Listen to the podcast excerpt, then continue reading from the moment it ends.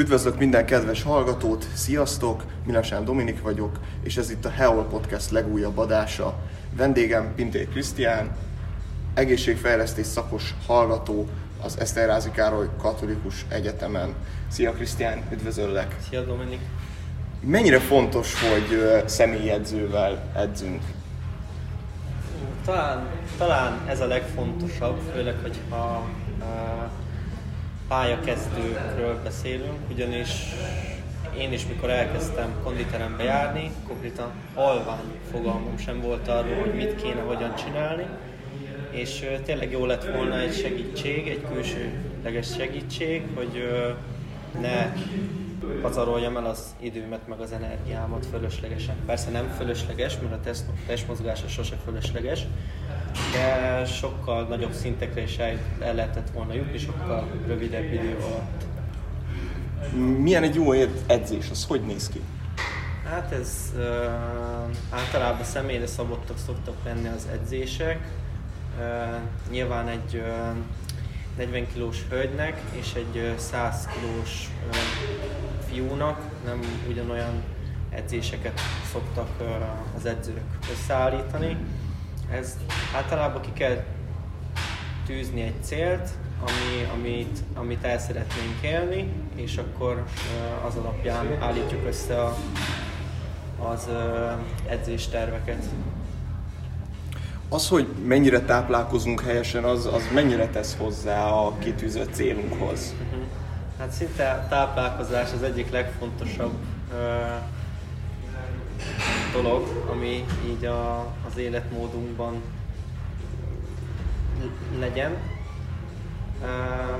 Emellett pedig a, a megfelelő regeneráció és az edzés. Ez a három, ami a legfontosabb a, abból a szempontból, hogyha mi fejlődni szeretnénk. Hogyha ebből valamelyik három pillér hiányzik, akkor vagy nem olyan tempóban tudunk fejlődni, ahogy mi szeretnénk, vagy pedig lehet, hogy teljesen megáll a fejlődésünk.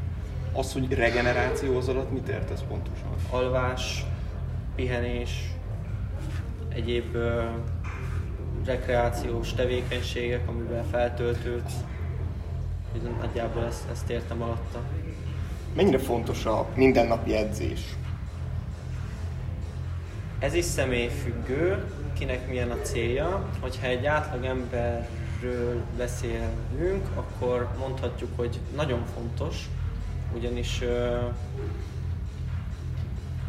általában a rekreációs minimum az olyan mm, heti 4-5 alkalom, közepes intenzitású, egy órás mozgás, ez lehet bicikli, lehet egy, egy, egy tempósabb séta, lehet súlyzós edzés, lehet bármilyen labdásport, tenisz, bármi. Hogyha átlag embernek kellene ajánlani ö, mozgásformákat, akkor én mindenképpen azzal kezdeném, hogyha ő mondjuk nem sportolt gyerekkorában, akkor menjen el sétálni tempósabban, és akkor azt csinálhatja úgy, hogy tényleg mondjuk napi rendszerességgel, közepes intenzitás egy ilyen egy óra, ami, hogyha minden napokról beszélünk. Tehát akkor így a szervezetünket, meg a testünket így hozzászoktatjuk ahhoz, hogy rátérjünk erre az intenzív edzésre? Vagy? Így van, pontosan. Ez is, hogyha nekünk az a célunk, hogy mondjuk izmosabbak legyünk, akkor valahol el kell kezdeni, nem szabad egyből belevágni a lecsóba, vagy hogy mondjam, mert akkor lehet, hogy megsérülünk, lehet, hogy nem elmegy tőle a kedvünk az edzéstől, mert tényleg egy, egy keményebb edzés az már iszonyatos nagy terhelés az idegrendszerünk számára. Ezért érdemes fokozatosan felépíteni, és ehhez tökéletes a séta. Onnan elindulunk, és szépen lassan lehet belebonyolodni a dolgokba. Említetted ezt, hogy kint a szabadban, ugye lent a teremben, de otthon esetleg meg tudjuk csinálni, vagy meg tudják csinálni az emberek ezeket a gyakorlatokat, vagy tudnak edzeni, vagy, vagy otthon, otthon mi a helyzet az edzéssel? Hát kezdőknek ajánlanám tényleg, hogy akkor otthon kezdjék el először az edzést. Igazából én is otthon kezdtem el először az edzést, saját testsúlyos gyakorlatokkal. Ez értem fekvőtámasz, felülések, guggolások. Ez is egy, egyfajta hozzászoktatás testünknek jót tesz az, hogyha nem egyből beleugrunk a mélyvízbe. Úgyhogy ö, tudom ajánlani mindenkinek. Az otthoni edzéssel az a baj, hogy a megfelelő felszerelések hiányában megakad a fejlődésünk, és ezért érdemes utána, ha megtanultuk az alapokat, akkor elmenni egy konditerembe, vagy, vagy hogyha nem szeretnénk konditerembe járni, és tényleg otthon szeretnénk edzeni, mert az nekünk a szimpatikus, akkor megfelelő eszközöket beszerezni a, a további fejlődés érdekében. Van egy ilyen sztereotípia, hogy sok ember nem mer lemenni egy konditerembe, mert kinézik, mert fél, hogy ő nem fog felemelni olyan súlyokat, mint a mellette lévő. Ez, ez mennyire igaz, vagy ez, ez tényleg létezik az a jelenség? Nem, köszönöm a kérdésed. Ez ö, egyáltalán nem létezik, sőt, inkább, hogyha látunk egy kezdőt a terembe, akkor inkább az emberek nem lenézően